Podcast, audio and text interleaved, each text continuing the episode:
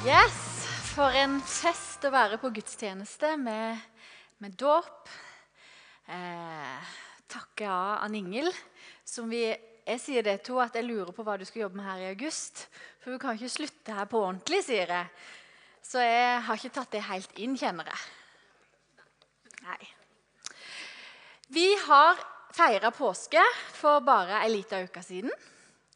Eh, og jeg skal ikke tale om påske i dag, men jeg skal tale om en fyr som var sentral i påskehistorien, som ikke heter Jesus. Eh, og Jeg skal i dag tale om at Jesus han vil og kan bruke alle mennesker uansett.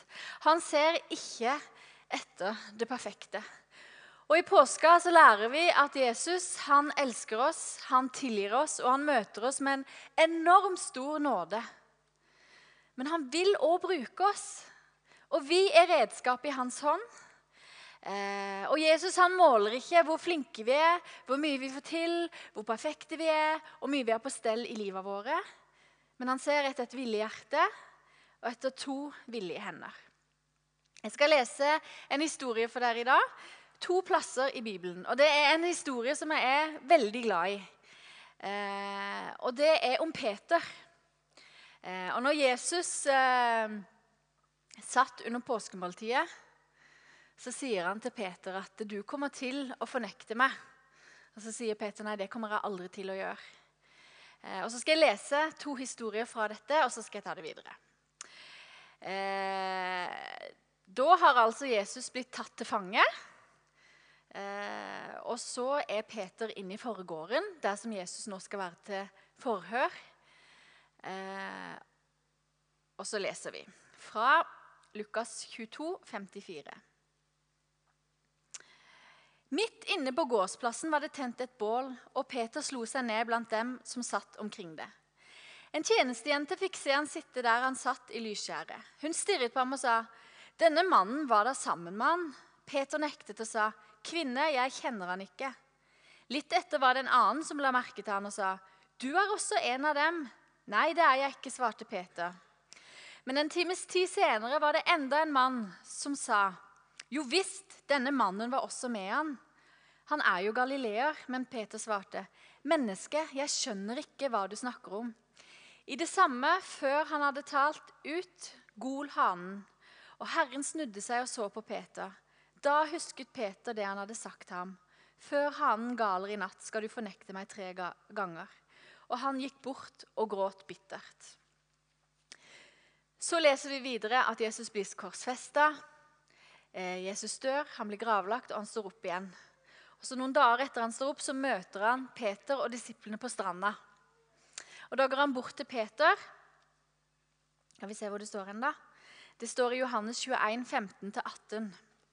Han går bort til Peter, og så sier han Peter, sønn av Johannes, elsker du meg mer enn disse? Han svarte, Ja, Herre, du vet jeg har det kjær. Jesus sier, Før lammene mine. Igjen for annen gang sier han, Simon, sønn av Johannes, elsker du meg? Ja, Herre, du vet jeg har deg kjær, svarte Peter. Jesus sier, Vær gjeter for sauene mine. Så sier han for tredje gang, Simon, sønn av Johannes, har du meg kjær? Peter ble bedrøvet over at Jesus for tredje gang spurte han om han hadde det kjær, han kjær, og sa, Herre, du vet alt. Du vet at jeg har det kjær, deg kjær. Jesus sa til ham, Fø lammene mine. Før påskemåltidet så møter vi Peter der han sier, 'Jeg skal aldri svikte deg'. Og Tidligere så står det at Peter var den disippelen som Jesus hadde kjær. Og Jesus han har sagt til Peter, 'Vet du hva, Peter, på deg vil jeg bygge min menighet.' 'Du er den klippen jeg vil bygge menigheten min på.' Og Det er litt av en bekjennelse å få av Jesus, og det er litt av et kall å få av Jesus. Og det er ganske store sko å fylle for Peter. Og Så går det bare noen timer etter Peter har sagt 'jeg kommer ikke til å svikte deg', hvor han sier at han ikke engang kjenner Jesus. Og når halen, halen ja. Når hanen galer tre ganger, så blir han ikke bare bedrøva, men det står at han gikk bort, og så gråt han bittert. Og Når Jesus møter disiplene på stranda etter han har stått opp, så møter han en knust Peter. Og Dette er en av de historiene jeg liker best i Bibelen. Jeg sier det er mange historier, men jeg liker den utrolig godt. For det er at måten Jesus møter Paulus på Paulus, ja. Det var mye rart i det. Måten Jesus møter Peter på, er så utrolig nydelig. Og Jesus møter han så annerledes enn han kunne møtt meg og deg. Og vi kunne møtt hverandre, ikke sant? Jesus går bort til Peter og sier han, 'Elsker du meg, Peter?' Og så får Peter bekjenne, 'Ja, jeg elsker deg'. Og så spør han en gang til, 'Har du meg kjær, Peter?' Og så sier Jesus, 'Ja, du vet at jeg har deg kjær'. Og så spør han en gang til, 'Peter, er du glad i meg?' Ja, Jesus, jeg elsker deg. Og så sier Jesus tre ganger til han, 'Vet du hva, mitt kall står fortsatt fast.' 'Jeg har fortsatt tro på deg. Jeg vil fortsatt bygge min menighet på deg.' Og Noe av det som rører meg, er som sagt at Jesus møter Peter så annerledes enn, han kunne, enn, han, enn de kunne møtt hverandre. For Jesus han kunne med all rette sagt ehm, Peter, jeg trodde jeg kunne regne med deg. Og han kunne sagt Og Peter, jeg som trodde du var glad i meg. Og han kunne sagt, vet du hva, Peter? Du svikta når jeg trengte det aller, aller mest. Og han kunne sagt, vet du hva, Peter, Av alle disiplene mine så hadde jeg aldri trodd at du var den som kom til å vende meg ryggen. Men Jesus han er ikke den som står med pekefingeren. Så han møter Peter med full oppreising. Jeg har fortsatt tro på deg. Kallet mitt ligger ved. Jeg angrer ikke. Og Jeg vil du skal ha denne historien om Peter og Jesus, og hvordan Jesus møter Peter, i bakhuet når jeg går videre. For dette er ikke bare Peter som Jesus møter sånn, men han møter oss sånn alltid. Jesus møter oss så annerledes enn vi fortjener, eller så annerledes enn vi møter hverandre.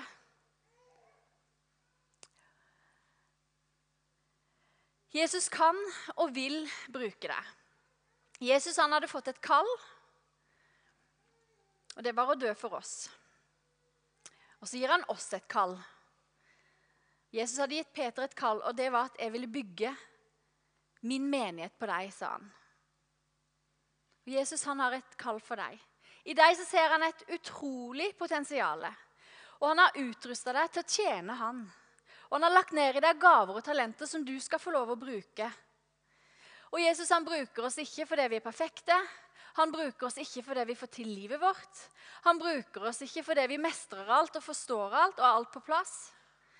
Nei, Gud bruker oss pga. sin store nåde. Og han sier, 'Jeg er den som har makt til å gjøre alt stort og sterkt'. Og Jeg har lyst til å dele en historie fra mitt liv eh, som jeg har delt her før. Eh, men jeg vil dele den igjen. Og For en syv-åtte år siden så døde min svigerfar. Og Han var på ferie i Florida med sin kone. Eh, min svigermor, ja. Og så får vi en telefon eh, der de sier at eh, han er død. Han har hjertet stoppa mens han sov. Og det her var en mann i en fin alder. Han var ikke syk. Han var pastor i Misjonskirka her i Stavanger. Og Fra det øyeblikket så var livet vårt fullstendig kaos og fullstendig krise. Eh, og Øystein han måtte fly ned og hente hjem sin far i kiste. Og ikke bare sin far, men han har òg en mor som på den tida var ganske kreftsyk. Og vi var Hvordan skal hun klare seg uten svigerfar? Han var, klippen, han var, virkelig klippen i familien vår. Han var høvdingen i familien vår. Og plutselig så var han død, bare sånn som det. Og jeg kjente at jeg fungerer overhodet ikke. Huet mitt var helt lamma. Ungene var i en utrolig sorg, for de elska farfar overalt på jord. Eh, og det var liksom ikke plass til mer. Jeg dro ut og skulle kjøpe sko til begravelsen til ungene. Og så satt de på disken og skulle til å betale, så tenkte jeg nei, jeg får bare ta det i morgen. Og så kom jeg hjem og tenkte hva i huleste gjorde jeg nå? Jeg skrapte opp bilen. Det pleier jeg ikke å gjøre når jeg kjørte ut av garasjen. Altså jeg gjorde, Det var bare, det funka ikke oppi her. For jeg var så lamma av sorg. Og så er det en nabo som spør meg Gry, vil du være med ut og jogge. Og det vil jeg jo alltid. Eh, så har vi ikke først fått runda hushjørnet før hun sier Hva gjør det med din tro at din svigerfar bare dør så plutselig? Og han som var pastor og alt? Parentesen er trodde hun ikke at pastorer kunne dø, liksom. Da tror jeg det er mange som hadde blitt pastorer. eh, og så løper vi en halvannen time hvor jeg får fortalt henne, som ikke hadde noe tro, om hvordan troa holder i sorgen, hvordan troa bærer i sorgen, og hvordan Jesus bare holder. Og når jeg kom inn døra da, så var jeg litt sånn Kjære Gud, hva du klarer å gjøre. For det er ikke sånn at Gry er så fantastisk at hun får til alt selv når livet raser. Men vi har med en Gud å gjøre som virker når ikke vi virker. Og det vitnesbyrdet i livet mitt har betydd så mye for meg videre når jeg ikke har ting på plass i livet, og når det koker rundt meg, og når jeg heller burde gjort eller burde vært, så har jeg en erfaring av en Gud som bare holder når ikke jeg holder. Gud vil og kan bruke oss uansett. Ikke pga. oss sjøl, men pga. den han er. Og vi har med en Gud som virker når ikke vi virker. Og vi har en Gud som sier 'jeg har makt til å gjøre alt stort og sterkt'. Og jeg tror at jeg og mange her inne at vi trenger å reise oss og stå opp og si at vi er bra nok sånn som vi er. Vi trenger å forstå at Gud vil og kan bruke oss. Han ser ikke vår feil. Han ser ikke vår ufullkommenhet, men han ser et utrolig stort potensial. Han har skapt oss, og han har skrudd oss sammen, og han vil bruke oss. Og av og til Når vi snakker om det her, så kan vi lese i Bibelen og så kan vi tenke på alle de her fantastiske menneskene i Bibelen som har gjort så mange store ting at de til og med kom i Bibelen. Du har liksom David som bare var konge og leda et helt folk. Du har Daniel som overlevde en, en løvehule. Og Du har så mange helter i Bibelen. Og så er det en sånn greie jeg lasta ned fra Internett da, som sier noe om disse heltene. Som sier noe om livet deres, for de var vanlige mennesker som meg og deg. Og så merker jeg at Det kan gi oss frimodighet til at kanskje vi òg har noe å bidra med, selv om vi ikke er fullkomne. Så skal jeg lese den opp for dere. Noah han drakk seg full. Abraham var altfor gammel. Isak han var en dagdrømmer. Jakob var en løgner. Lea var ikke pen nok. Josef var blitt kidnappa og misbrukt. Moses stamma. Gideon var redd. Samson hadde langt hår og var altfor glad i mange damer. Rahab var prostituert. Jeremia og Timothy var for unge. David var utro og en morder. Elia var suicidal. Jonah rømte fra Gud. Naomi var enke. Jobb han gikk personlig konkurs. Johanneren døperen han spiste gresshopper og insekter. Peter fornekta Jesus. Alle disiplene falt i søvn når de ba. Martha var bekymra for alt mulig. Den samaritanske kvinna hun var skilt mange ganger. Sakkeus var for lav, det så vi her. Paulus var for religiøs. Timoteus han hadde magesår. Og Lasarus var faktisk død. Og alle disse menneskene brukte Jesus på mekt, Gud på mektig vis. Så det står skrevet om dem, og vi kaller dem for trosheltene våre, mange av dem. Jeg vil si noe om vår identitet. Og jeg skal ta en historie om meg sjøl igjen. Når jeg var ganske liten Jeg husker ikke hvor liten jeg var, men jeg husker episoden så godt. Men jeg gikk ikke på skolen, så jeg var under skolealder. Så var vi på tur i påska på fjellet. Og så husker jeg jeg våkna første påske. da. Og så ropte jeg sånn 'Mamma, 'Pappa, dere må komme inn her og se på meg.' Og mine foreldre kommer inn og sier, 'Se på meg nå', sa jeg. Og de var litt sånn 'OK, du ligger der under dyna i køysenga.' 'Nå har ikke jeg rukket å tenke noe stygt. Jeg har ikke gjort noe stygt. Jeg har ikke gjort noe stygt. Akkurat nå er jeg helt uten synd. Kan dere se det?' Og mamma de var litt sånn 'OK, hva skjer med henne her?' Og greia var at jeg hadde trodd for det første hadde jeg trodd at Jesus måtte dø hver påske. Så det ble egentlig ganske stort for meg at han slapp å gå gjennom alt det der hver påske. Jeg synes det var veldig greit for han. Men det som ble veldig sterkt for meg personlig, var at jeg skjønte at det er ikke sånn at synda i livet mitt hoper seg opp mer og mer fra første påskedag. Og rett før påske så er det jo så ille vet du, at du kan ikke vente til å bli tilgitt igjen. Men jeg skjønte at det var tilgitt én gang for alle. Og jeg, tror, altså jeg må jo ha vært fire, fem, seks år. Men for meg å bare skjønne den nåden, at jeg var tilgitt og ren og hellig for alltid Den følelsen husker jeg den da i dag. Og det var en sånn følelse, Jeg følte meg så ren og fri. I Efeserne så står det at vi er i Kristus. Det står at vi er hellige og feilfri. Det står at vi har fått frelsens kledning. Det står det om i Jesaja. Og vet du, Når vi tar imot Jesus og bekjenner med vår munn at han er herre, så er han herre i våre liv, og vi er frelst. Det står ikke sånn at når vi tar imot Jesus og gjør alt rett, så er han herre i våre liv. Men det står når vi tar imot han og bekjenner med vår munn. For det er det vi ønsker. Vi ønsker å bekjenne at han er herre. Og Bibelen den sier at vi har fått Guds rettferdighet. Og det betyr at innenfor Gud så har vi samme rettferdighet som Gud sjøl. Og om vi ikke hadde hatt det, så kunne vi ikke hatt noe med Gud å gjøre. Og det er egentlig ganske stort, for vi er rettferdiggjort med tro. Det er rett, og det er ferdig, og det er gjort. Det er ikke noe mer vi kan gjøre. Og nettopp fordi det er sånn, så har Gud satt oss slikt innenfor Han. Og det betyr at det er ingen her inne som er i bedre posisjon overfor Gud enn du. Det er ingen i denne byen som har en bedre posisjon overfor Gud enn deg. Og heller ingen i dette landet. Det er ingen leder, ingen sjef, ingen dame, ingen mann. Ingen er i en bedre posisjon overfor Gud enn du. Er ikke det fantastisk? Ingen er bedre stilt enn deg. Posisjonen vår hos Gud er at vi er kalt for barn. Vi er kalt for sønn og datter. Vi er hans arving.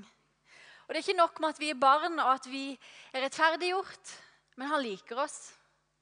Når han ser på oss, så ser han ikke bare det der ynkelige mennesket som han døde for, som ikke fiksa noen ting. Men han liker oss utrolig godt. Og Vi har en mann som har besøkt oss her mange ganger i IMI. og Han sier det at hos Gud så har vi topp karakter. Vi kan, det, vi kan ikke komme høyere opp. Og Når jeg står her og taler i dag, så vet jeg at eh, om jeg taler bra eller dårlig, så får jeg ikke noe høyere eller lavere verdi. Jeg får ikke noe bedre eller lavere karakter, men min posisjon hos Gud, den er. Og det bør egentlig gi oss en utrolig frimodighet. Vi trenger ikke overfor Gud å tenke jeg er flink nå eller jeg er ikke flink nå, eller funker dette? For vi har allerede topp karakter. Og så lover Gud oss at vi skal få lov å gå i hans ferdiglagte gjerninger med livet våre. Det er han som skal gjøre det gjennom oss. Og mitt utgangspunkt for å stå her er den jeg er i Han, og hva Han kan gjøre gjennom meg. I Salme 37, 37,5 så står det 'Legg din vei i Herrens hånd, stol på Han. Han skal gjøre det'.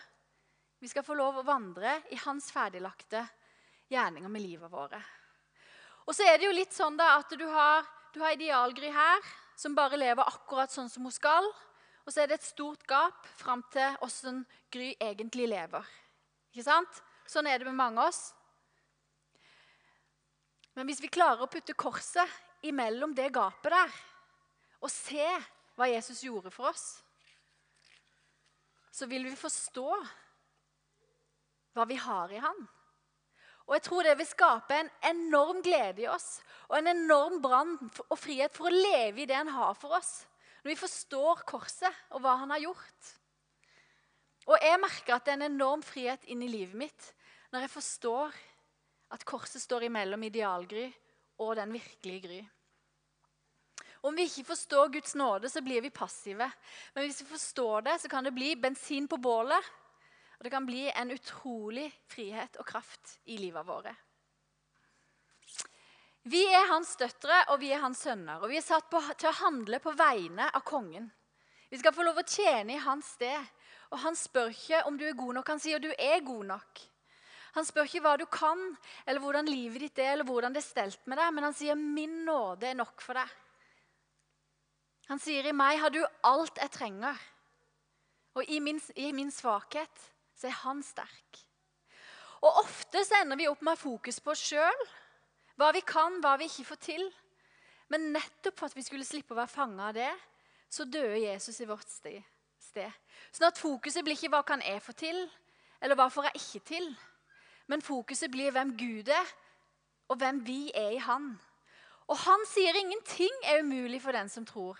Han sier alt har jeg makt til å gjøre, stort og sterkt. Og I Fesene så står det at den samme kraft som reiste Jesus opp fra de døde, den bor i oss.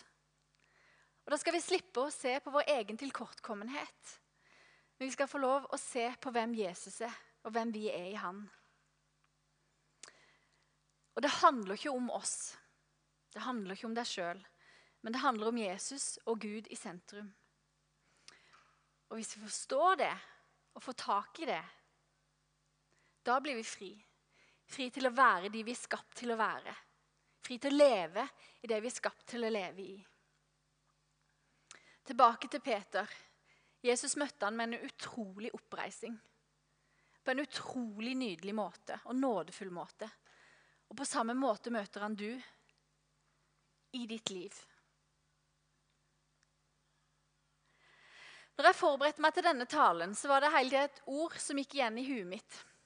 Og det var ordet håp. Og jeg opplever at vi kan ha, forstå hvilken nåde Gud har vist oss. Vi kan forstå at han har dødd for oss.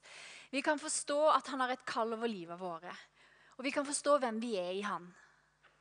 Og så er det noe med det at hvis vi mangler håp i livet vårt, så trenger vi å få det på plass. Og jeg tror at Gud vil møte noen med håp her i dag. Og Av og til har vi bare kommet til et sted i livet vårt der vi mangler håp. Der vi har mista håp. Det kan være i forhold til sjøl. Kanskje du føler deg håpløs. Kanskje du står i en situasjon der Gud bare trenger å bringe håp inn i livet ditt. Kanskje en spesiell situasjon som du har stått i lenge, der du bare kjenner at det er ikke håp. Og så har jeg lyst til å si at Jesus er en som bringer håp. Og Noe av det beste med troa mi er at, og troa vår at når vi har med Jesus å gjøre, så er det alltid håp. Og jeg vet ikke om dere har hørt på, på TV og nyheter, og sånn, så hører du av og til nyhetsopplesere og folk som er ute og, og filmer live, sier det at nei, her er det ikke mye håp om å finne. Nei, her sier eh, redningsmannskaper at alt håp er ute. Og så Når en får høre liksom sånn at her er det ikke håp, og alt håp er ute, så tenker jeg nei, da, da er det ikke noe mer. Men når vi har med Jesus å gjøre, så er aldri håpet ute. For Jesus er håp, og han holder. Han kan bringe håp inn i vår håpløshet, og han kan snu de mest umulige situasjoner. Og Jeg hadde avtalt et vitnesbyrd i dag, eh, men det eh, skjærte seg. Men jeg har to historier om to gode venner. Den første historien er eh, ei dame som ikke er herfra, som er en god venn, som har ei datter. Og Da var den dattera ganske ung, eh, som ikke hadde lyst til å leve lenger. Det var en utrolig alvorlig situasjon. Og for denne mora å være i den situasjonen der hun vet ikke åssen det skal gå, og prøve å hjelpe denne jenta si, som ikke var så gammel, som var hun var i en sånn håpløs situasjon at hun jenta tenkte at hun visste ikke om hun ville leve mer. Og hun her venninna mi fikk selvfølgelig all hjelp hun kunne få til dattera si. Samtidig så hadde hun ingen garanti for hvordan denne situasjonen ville ende. Og midt i det så setter hun seg ned med Bibel og med Gud, og så sier hun, 'Vet du hva, Gud? Dette rår ikke jeg over. Her har jeg ingen kontroll på hvordan utfallet blir, hvordan dette skal gå.' Gud, du må nødt til å hjelpe meg. Så opplever hun hvordan Gud hver dag møter henne med bibelvers, med sitt ord, som blir et håp som hun kan holde i. Og så blir det et sånt håp inn i livet hos der hun vet at uansett omstendighetene, så holder dette håpet. Det Gud sier inn i livet mitt nå, det holder, og det kan jeg ta med meg for alltid. Og jeg ser at det står og holder sånn. Men egentlig så er det håpet som Gud har for oss, to store armer som vi kan hvile i. Vi trenger ikke stå og holde oss fast for livet, men det er et håp vi kan hvile i. Og Nå har denne situasjonen gått bra. Det er en stund siden nå. Men hun sier det håpet Gud skapte i meg gjennom sitt ord, om at han holder uansett situasjon Det var helt avgjørende for meg å ha noe å holde i når hele verden rysta. For noen år siden så fikk vi eh, ei eh, jente på akta. Og Noen av dere kjenner hun Sara Elise. Og Hun kom her, hun hadde vært syk i mange år. Hun begynte på akta. Og hun kjente at eh, det var tøft å gå på akta. Fordi at der var det ekstremt mange friske studenter som var sultne på livet. Som var gira på alt som var gøy, som bygde vennskap. De planla framtida si. Eh, og mange av de fikk lov å være med på ting. Eh, ut og be til helbredelse med folk. Ut og reise til utlandet og oppleve ting. Og bare kjente at Gud gjorde utrolig mye inn i livet deres. Og der sitter hun. Noen dager kunne hun gå på skolen, noen dager kunne hun ikke gå på skolen. Hun måtte være mye hjemme, være aleine i et mørkt rom og hvile. Hun visste ikke om hun hadde noen framtid. Hun visste hun ikke kom til å dø. Men hun visste, visste om hun hadde noen framtid. Kommer jeg noen gang til å klare å jobbe? Kommer jeg noen gang til å klare å fullføre videregående? Kommer jeg noen gang til å ha energi til å være ute med venner og gjøre det som alle andre på min alder gjør? Kan jeg planlegge framtida mi ut ifra Hun hadde ingenting å holde i. Og midt mens hun var hjemme, så opplever hun at eh, Gud gjennom lovsang skaper et håp i henne selv om situasjonen var sånn som den var. Og Midt i det så skriver hun en sang om håp. og Den skal eh, Solveig synge for oss om litt. Men hun opplever at Gud blir et anker for henne. Hun opplever at det håpet som Gud skaper i henne, blir noe som hun kan holde fast i, uansett hvordan omstendighetene hennes er fra nå av eller i framtida. Og vet du hva? Jeg tror det er noen her inne i dag som kom for å gi håpet en sjanse. Som kjenner at de er i situasjoner som er så rystende, eller som synes så håpløse. Og så har jeg lyst til å si at Gud møter deg med håp. Og det er et håp som holder, selv om verden rystes. I Hebreerbrevet står det 6, 18 og 19. Med løfter om med To ting som ikke kan forandres. Gud kan ikke lyve. Skulle vi ha en mektig trøst, vi som har søkt tilflukt ved å gripe det håpet som ligger foran oss. Dette håpet er et trygt og fast anker for sjelen. Det når innenfor forhenget. Og jeg har lyst til å si at Gud er her med sitt håp. Han ønsker å fylle deg med sitt håp. Og det er et håp som holder, og som varer ved, og som aldri, aldri kan rokkes uansett omstendighet.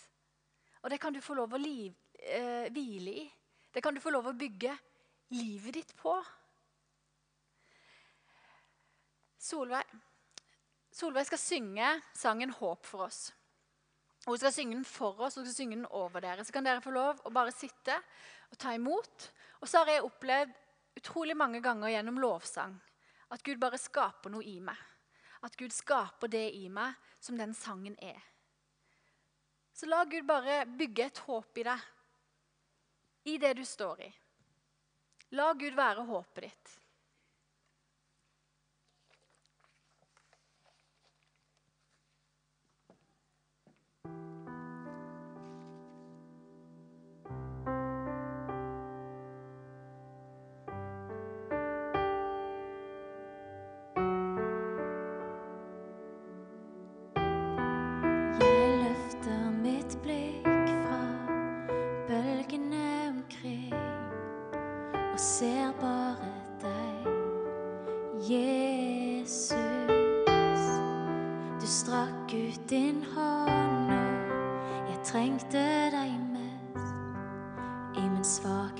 Du